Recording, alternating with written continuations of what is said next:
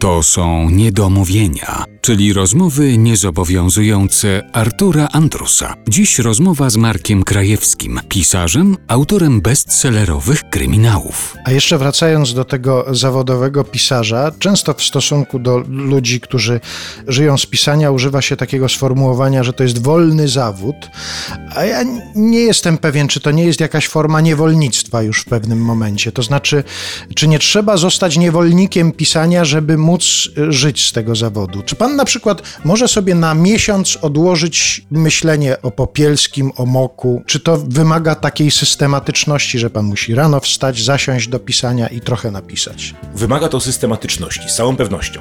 Mogę mówić tylko o sobie, nie chcę mówić tutaj uogólnie, czy to jest zawód wolny czy niewolniczy, natomiast dzięki pewnemu rysowi anankastycznemu, który dała mi natura, dzięki czyli zamiłowaniu do systematyczności, do porządku, do dokładności, potrafię sprostać tym obowiązkom, w tym sensie, że planuję, wszystko dokładnie planuję. Mój rok pracy dzieli się na trzy okresy, można by tak rzec. Te trzy okresy należy zwielokrotnić, znaczy pomnożyć przez dwa, ponieważ piszę dwie książki rocznie.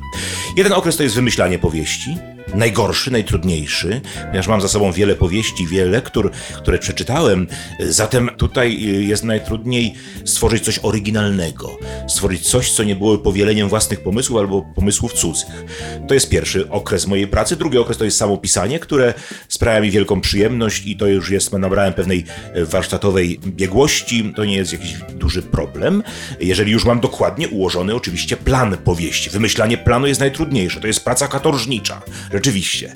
Natomiast później pisanie jest tym elementem łatwiejszym, a najłatwiejszym i najprzyjemniejszym, jak sądzę, to są spotkania autorskie i medialne, takie jak dzisiaj na przykład, które są związane mniej lub bardziej z promocją nowej książki. Po czym wracam po takim literackim tournée, po takiej literackiej trasie, Niemcy mówią Laserreise, prawda? Wracam do siebie, do Wrocławia i piszę nową powieść, bo już mam gotowy plan. Zatem, mówiąc krótko, trzeba dobrze ten cały czas w ciągu roku podzielić, no i oczywiście trzeba wyciąć, ja wycinam aż dwa miesiące na wypoczynek. Mhm. Jeden wypoczynek to jest kwiecień, drugi czas wypoczynku to jest wrzesień.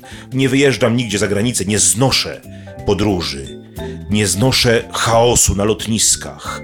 To jest obce mojej naturze. Ja wjeżdżam zawsze w to samo miejsce. To jest albo mała wioska w Wielkopolsce, w lesie, albo to jest małe nadmorskie Darłowo. To są te dwie miejscowości, w których najczęściej bywam. Tam odpoczywam najlepiej i wtedy już nie myślę o Popielskim ani o Moku, tylko czytam książki. Po prostu czytam książki i spaceruję. To jest i słucham muzyki. To jest, są najprzyjemniejsze czynności. Wykonując je najlepiej odpoczywam. Czyli biorąc pod uwagę niechęć do podróżowania, to bardziej Popielski niż Mok. Tak, bardziej popielski niż Mok, rzeczywiście, bo Mok y, zwiedził wiele miejsc w swoim życiu. W jednej z powieści jest nawet w Afryce, w Kamerunie, w powieści Mok Ludzkie Zoo, no, w kolonii niemieckiej Kamerun podczas I wojny światowej.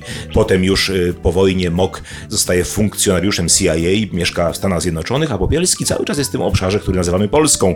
To znaczy najpierw jest w Lwowie, w polskim mieście Lwowie, kiedy potem Lwów został nam zabrany przez Związek Radziecki, trafia do Wrocławia, jak wielu mieszkańców Lwowa. Ten Lwów jest bardzo żywy zresztą swoją drogą w mojej rodzinnej pamięci. Moja mama pochodzi z ziemi lwowskiej.